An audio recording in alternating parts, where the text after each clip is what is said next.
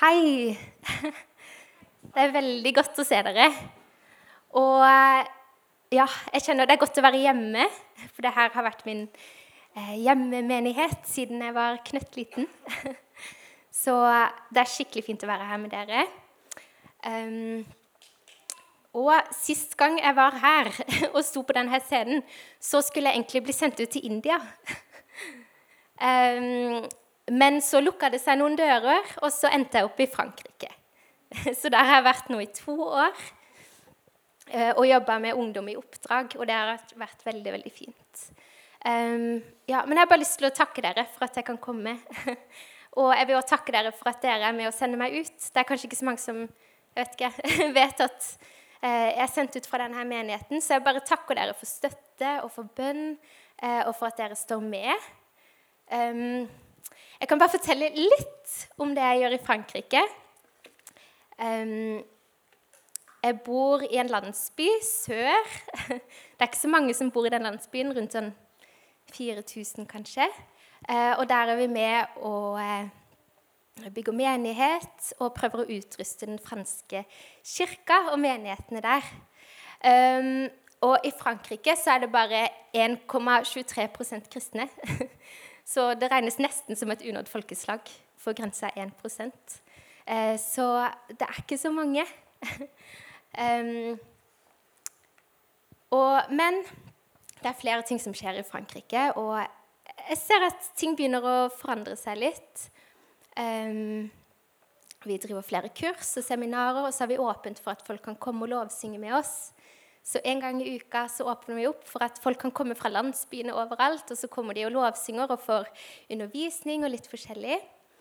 Og eh, For to år siden så kom det bare ti stykker, men nå, nå er det 50-60. Og folk er skikkelig sultne etter mer av Gud. De er sultne etter å få se mer av Han. Og, og vi opplever bare en sånn ja, en sånn hunger etter å møte Gud. Eh, så det er veldig fint å være med på. Um, ja, eh, i dag så skal jeg snakke om Bibelen. Og Bibelen i en tid som den her. Um, og fordi at Jeg er veldig glad i å liksom kutte til det som er viktig i ting. Og jeg har lyst til å spørre et spørsmål. Hvorfor tror vi det vi tror? Og Da er det en god ting å begynne med denne boka. Hvorfor tror vi på den boka? Hva er det som gjør at denne boka har overlevd flere tusen år med forfølgelse, med bokbrenning, med forbud og med akademiske for, eh, forsøk på å bli motbevist? Eh, hva er det som gjør at denne boka provoserer, men den trøster? Og hva er det som gjør denne boka relevant i dag? Og hva er belønninga for å følge Guds ord? Um, I 2. Timoteus 3,16 så står det hver bok i Skriften er innblåst av Gud og nyttig til opplæring, tilrettevisning, veiledning og oppdragelse i rettferd. Så ja, jeg bare, jeg bare kjenner at jeg har litt lyst til å be om at Um, ja, Gud, må du, må du, åpne øynene våre i dag. Jeg ber for myke hjerter. Jeg ber om at mitt hjerte må være mykt i å ta imot ditt ord. Og så ber jeg om at du må blåse liv i oss, sånn som du har blåst liv i denne boka.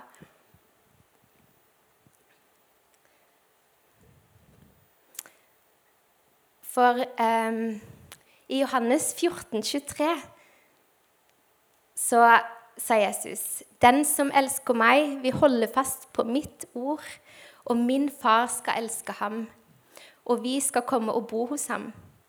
'Den som ikke elsker meg, holder ikke fast på mitt ord.'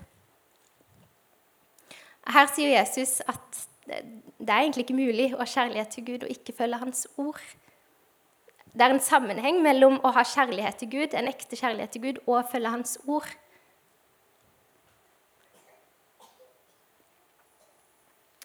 For tror vi at Bibelen er Guds ord? Jeg tror dette er den viktigste boka vi kan lese.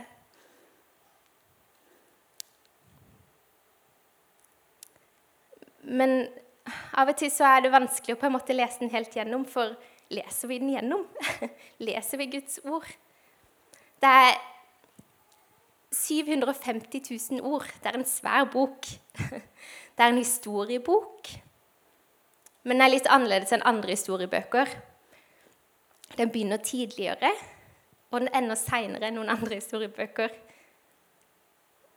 Den begynner ved universets begynnelse og ender i, i jordens ende, men òg evigheten sammen med Gud. Og det er en kjærlighetshistorie, en far som leter etter en brud for sin sønn. Og den avsluttes med et bryllup. Jesus er brudgommen, og kirka, vi, vi er bruden.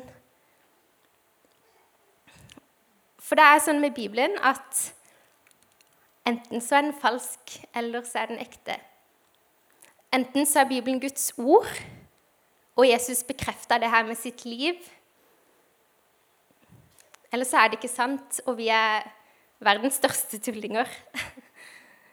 Og jeg er i hvert fall en tulling, fordi at jeg bor i Frankrike for det her. Men hvis vi tror det her er sant, hvordan behandler vi sannheten? Hvordan retter vi livet vårt etter det som står i Guds ord? Og tror vi at Guds plan for oss som står her, er god, og at den er til det beste for oss? Jeg mener for mitt liv jeg har ikke råd til å ikke følge Guds ord. Jeg har ikke råd til å ikke lese i Bibelen, for jeg vet at det er Guds ord, evangeliet, som er til frelse. Denne boka forteller meg hvem Gud er. Den forteller meg hvem jeg er, hva sannheten er.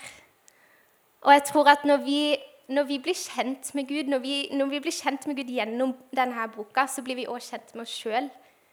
Hvem vi er skapt til å være, hva vår identitet er, og ikke hva alle andre rundt oss sier. La oss bli kjent med oss sjøl gjennom å lese denne boka. Og sannhet det er et skikkelig betent tema i vår tid. Hva er sant? Hvem har sannheten? Finnes det en sannhet? Og det, det, er noe jeg har møtt mye når jeg har vært ute i India. For der er alt sant. Om du tror på Krishna, Shiva eller hva som helst, Buddha, så er alt sant. Men, men er det det? For Jesus sier, 'Jeg er veien, sannheten og livet' i Johannes 14, 6.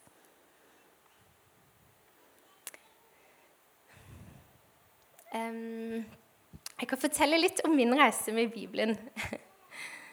For jeg fikk en bibel da jeg begynte i 5. klasse på Frivoll skole. Og jeg hadde faktisk mammaen til Odd Arild som lærer. Og det var skrekkelig gøy, for hun var veldig flink på Bibelen. Så vi hadde konkurranser om å liksom slå opp fortest i Bibelen. Og det var veldig stas. Og så tenkte jeg Men jeg sier jo at jeg er kristen, så kanskje jeg burde begynne å lese denne boka, da. Så jeg begynte fra begynnelsen. Og det begynte jo ganske gøy og masse historier. Og så blir det jo brutalt for en femteklassing å lese litt sånn inn i første og andre Mosebok. Så jeg la den litt fra meg. Men det var en hunger som ble skapt inni meg. Jeg kjente at jeg hadde lyst til å kunne mer. Og så måtte jeg jo kunne det her, for Jeg sa jo jeg var kristen. og så eh, Litt, eh, litt seinere så hadde jeg lest Galaterne og så første og andre Korinterne. Og det var så mange ting jeg ikke forsto.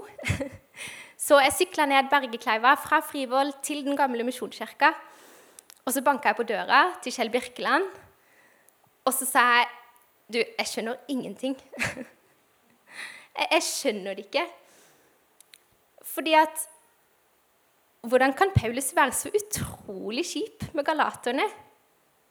Han sier, 'Dere uforstandige, uh, uforstandige galatere, hvem har forhekset dere?'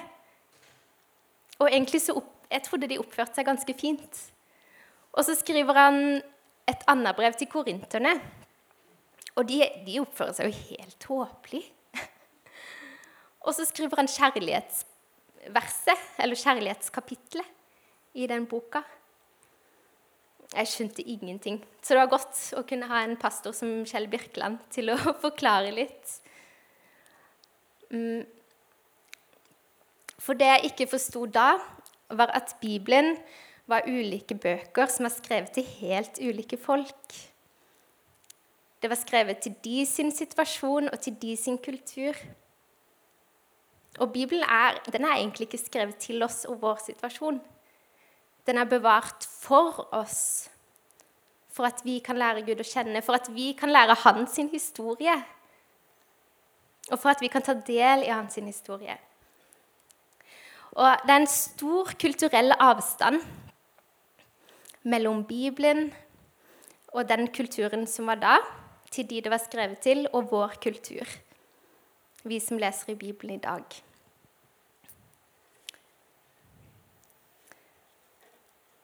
Og det er ikke sånn at siden ikke den ble skrevet til oss, så tar den bort sannheten og gyldigheten av ordene. Eh, det tar heller ikke å rettferdiggjøre det som vi helst vil hoppe over i teksten. Vi må bare ta på andre briller. Ordet er sannhet. Og det vi lærer om situasjonen og kulturen i f.eks. Efesene eller innbyggerne i Roma, eller den hebraiske kulturen, gjør at teksten kan åpnes med en mye større rikdom. Og den gjør at vi kan se de tidløse sannhetene av hvem Gud er i teksten. Og jeg tror at vi må våge å kjempe med teksten. Vi må våge å bla opp. Og de tinga vi ikke forstår, vi må velge å, å rope til Gud, be de ut.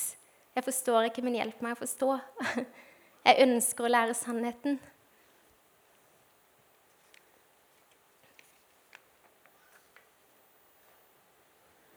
I Johannes 8,31 så sier Jesus hvis dere blir i mitt ord, er dere virkelig mine disipler. Da skal dere kjenne sannheten, og sannheten skal gjøre dere fri. Og ordet 'blir', hvis dere blir i mitt ord, er med nå, men det kan beskrives som rotfestet, eller at du vandrer med. Så hvis vi vandrer med teksten, hvis vi vandrer i Guds ord, da er vi Guds disipler.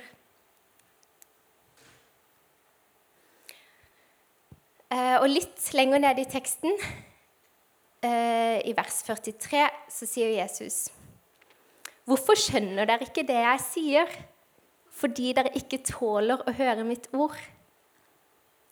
Jesus er veldig direkte. Han skjærer igjennom. Men hvorfor sier Jesus det her? Er det en sammenheng mellom toleranse, vilje og hjerte og det å forstå Guds ord? Har vi et hjerte som ønsker å forstå Guds ord, selv om ikke det er det vi vil høre? Selv om ikke det er sånn vi har lyst til å leve?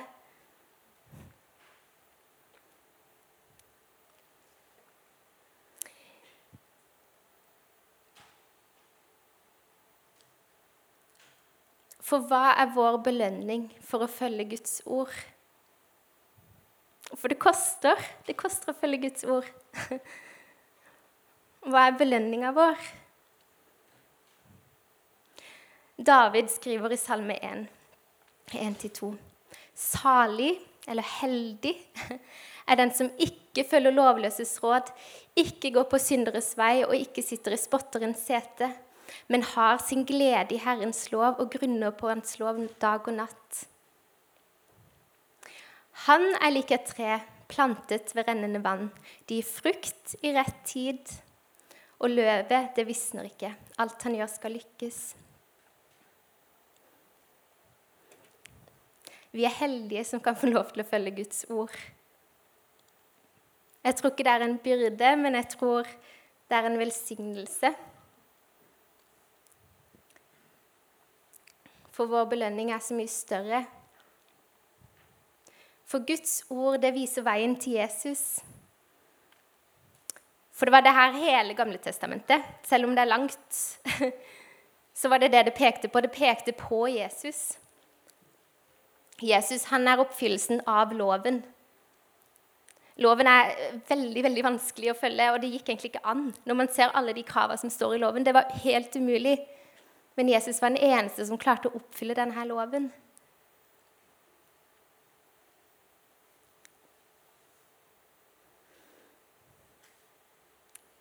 Guds ord viser hva som er det beste for oss, hva vi er skapt til, hva vi er designa for. Det er å følge Guds ord og det han har for oss. Og jeg tror vi kan lære veldig mye av Peter. For han skrev, eh, Peter skrev to brev til eh, menigheten i Lille Asia. Og gjennom det han skriver, så ser man veldig tydelig hjertet hans. Um, men jeg har bare lyst til at vi skal forstå situasjonen til Peter før vi går inn i boka. Fordi Peter han har allerede blitt fortalt hvordan han skal dø. I Johannes eh, 21, 18-19 så står det Da sier Jesus, 'Sannelig, sannelig, jeg sier deg, da du var ung, bandt du beltet om deg' og gikk dit du selv ville. Men når du blir gammel, skal du strekke ut hendene dine, og en annen skal binde beltet om deg og føre deg dit du ikke vil. Dette sa han for å gi til kjenne hva slags død han skulle ære Gud med. Da han hadde sagt dette, sa han til Peter, 'Følg meg'. Jesus sier, 'Du kommer ikke til å bli fri'. Jesus ga et profetord til Peter og sa alt det her skal skje. Du skal lide det og det og det, men følg meg. Det er verdt det. Jesus er vår belønning. Det er verdt det. Og når han skriver brevet til, til menigheten i Lille Asia, så vet han at det ikke er lenge igjen. Han har ikke så lenge igjen å leve. Og vi kan også se at brevet ble skrevet på slutten av hans liv. Um, og, og hva, hva, hva, er på en måte hjertebudskapet når man ikke har lenge igjen å leve? Hva er det man ønsker å videreføre? Og Peter han var kalt Klippen. Han var den som Jesus kalte til å bygge menighet. Og han hadde sikkert mange disipler. Han hadde mange han, han veileda, han underviste. Hva ønsker han å si til de? Hva er det viktigste at de får med seg? For Peter så var det at de kjente Guds ord. At de kjente Jesus, at de kjente sitt kall. Så vi kan hoppe over til det som Peter skriver. Eh, I 2. Peter 1, 12-15 så sier han Derfor vil jeg stadig på ny minne dere om alt dette, enda dere kjenner til det og er grunnfestet i den sannheten som er kommet til dere. Jeg mener det er riktig å holde dere våkne ved å minne dere om dette så lenge jeg bor i dette teltet. Han snakker om kroppen sin, at han ikke har så lenge igjen. For jeg vet at mitt telt skal snart tas ned. Det er vår Herre Jesus Kristus latt meg få vite. Og jeg vil gjøre mitt ytterste for at dere alltid skal huske dette, også etter at jeg har gått bort.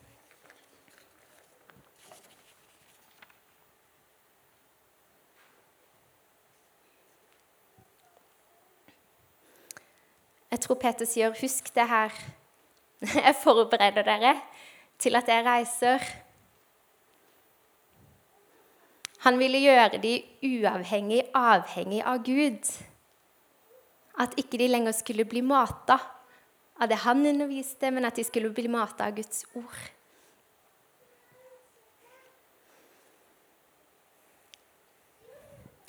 For vi kan bli ganske kresne i hvordan vi får servert ordet. Ofte så kan vi ønske det av en spesifikk person for en spesifikk tid, helst ikke altfor langt. Og så er det best at de ønsker eller at de nevner det og det. Og jeg, jeg tar meg i det sjøl.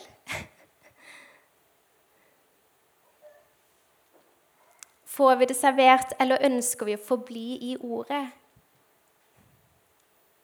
Ønsker vi å spise, ta opp næring av Guds ord? For det er det som kan gi retning for livet vårt. Eh, det er en eh, mann som heter Lauren Cunningham. Eh, han, han var med og starta Ungdom i oppdrag, og den organisasjonen jeg jobber for. Og han, han, er ganske langt oppe i åra, og han, han, innser at det er ikke så lenge igjen. Så de siste ti åra har han eh, drevet noe som heter Bibelen for alle, eller To End Bible Party, og ende bibelfattigdom. Så de siste ti åra har han kun fokusert på å få Bibelen ut, for å få den oversatt til alle verdens språk. Fordi det er hjertebudskapet hans. Han har innsett at Guds ord er det som forblir. Når han er borte, så står Guds ord fast.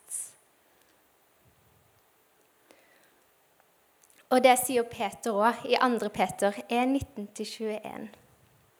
Derfor står også profetordet, altså logos, Guds ord, så mye fastere for oss.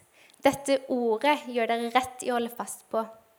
Det er en lampe som lyser på et mørkt sted til dagen gryr, og morgenstjernen stiger opp i deres hjerter.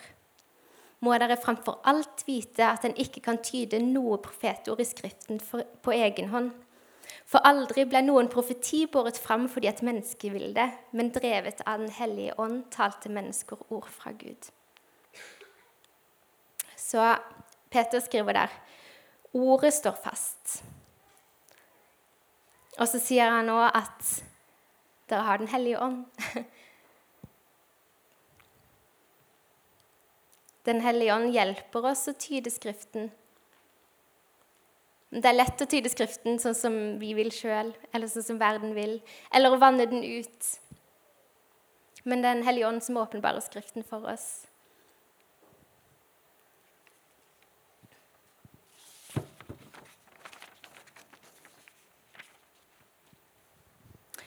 Og så ser vi i Peter, 2. Peter 2, 1-3, at han advarer mot eh, falske profeter i folket.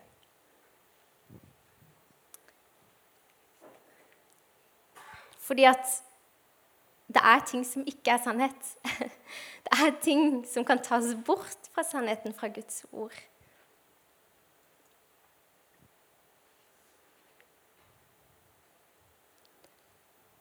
Og det står de skal lure inn vranglære som fører i fortapelsen, og til og med fornekte den Herre som har kjøpt dem fri. Dermed fører de raskt seg selv i fortapelsen, og mange kommer til å følge dem i utskeielsen, utskeielsene deres, og på grunn av dem vil sannhetens vei bli spottet. De er grådige og farer med dikt og bedrag for å slå mynt på dere, men de har alt lenge hatt dommen hengende over seg, og fortapelsen ligger og lurer på dem.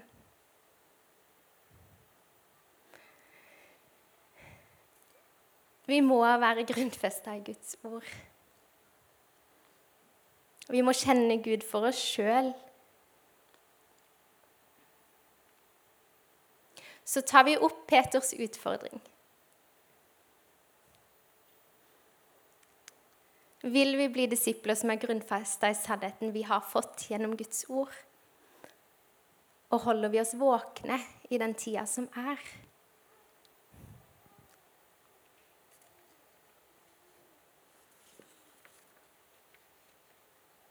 For jeg kan, jeg kan lure dere. Jeg kan, jeg kan lyve, jeg kan prøve å gi et inntrykk av at det er noe annet jeg er. Jeg kan late som jeg er hellig og ren og rettferdig og alle de tinga. Men når jeg er aleine med Gud, da er det ingen å lyve til. Han vet alt.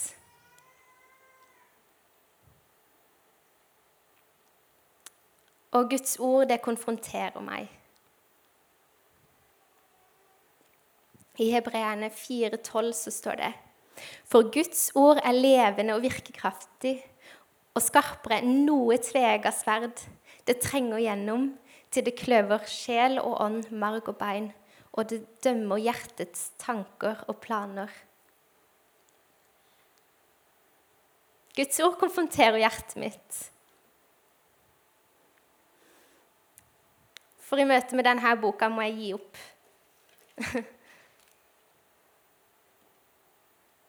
Når jeg ser hvem jeg er i lys av det her, så kan jeg si jeg har ikke noe sjans.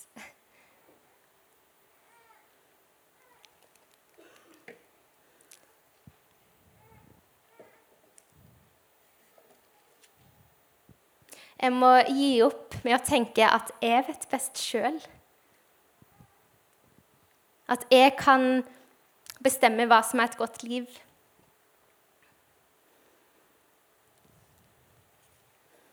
At jeg kan bestemme hva som er riktig eller galt. Det kan jeg ikke. Jeg kan ikke det i møte med boka.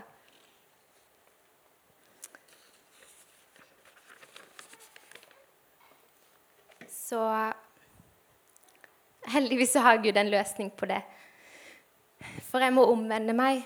Og omvendelse, det betyr å vende seg om, selvfølgelig. Snu seg 180 grader om. Det betyr at jeg ikke skal rette, rekke fokuset på meg sjøl, det jeg tenker er best, men at jeg kan si Gud, du har det, du vet best. Jeg velger å se til deg. Jeg velger å snu meg om fra de tinga jeg, jeg tenker, og til din lov, ditt ord. Og så er det et, et hebraisk ord som heter shama. Og det betyr å lytte og gjøre. Å ha et lyttende hjerte. For ofte så kan jeg si ja, jeg hører Guds ord, det er fint.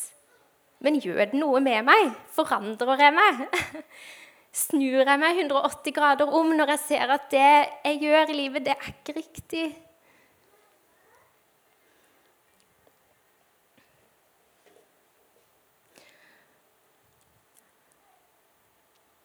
Tar vi omvendelsen på alvor. For i Romerne 2,4 så står det Skjønner du ikke at det er Guds godhet som driver deg til omvendelse? Det er Guds godhet.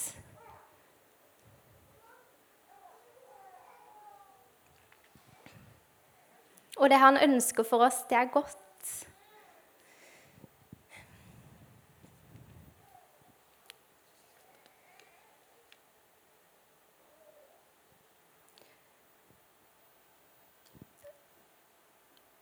Jeg vet at det her er ganske klare og konfronterende ord, som jeg sier i dag. Jeg snakker like mye til meg sjøl og min reise med Bibelen og Guds ord som jeg snakker til dere. Men jeg har ikke råd til å ikke stille meg sjøl de her spørsmåla.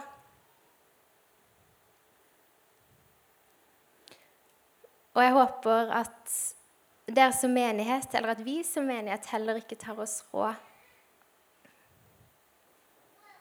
For det, hvordan vi lever livet vårt, det er viktig.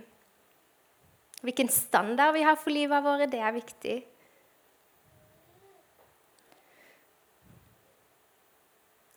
Og jeg har en bønn for denne menigheten, og det er at vi holder Guds ord høyt. At vi kan ha hjertene våre myke og åpne for at Gud kan tale til oss gjennom Hans ord. Og at vi tør å stå på det det sier, uten at vi går på kompromiss. For det er skrekkelig lett å gå på kompromiss.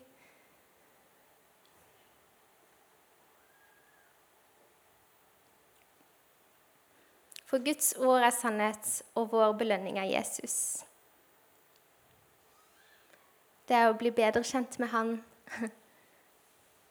Lære han å kjenne, gå med han og leve i fellesskap med Gud. Det er jo det vi er skapt til. Og Av og til så kan jeg stille meg et spørsmål hva er det jeg driver med? Jeg er skapt i fellesskap med Gud. og da må jeg snu fokuset mitt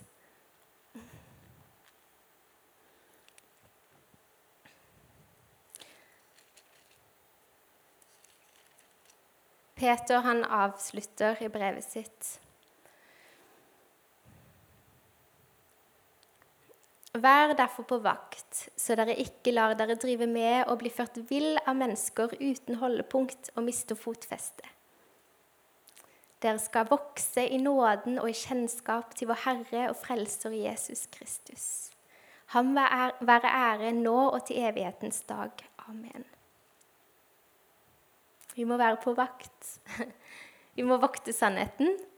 Vi må lære sannheten.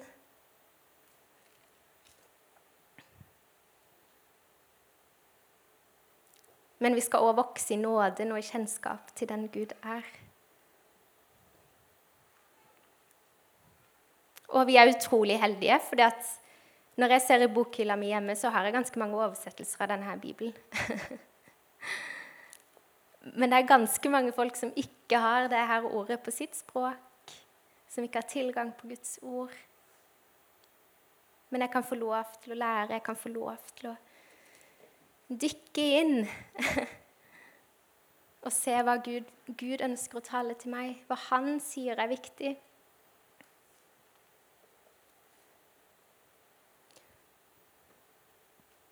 Så til slutt så ønsker jeg at vi, vi kan stille oss sjøl noen spørsmål. Hvilket forhold har jeg til Bibelen? Og hva kan jeg gjøre for å forbli i Guds ord?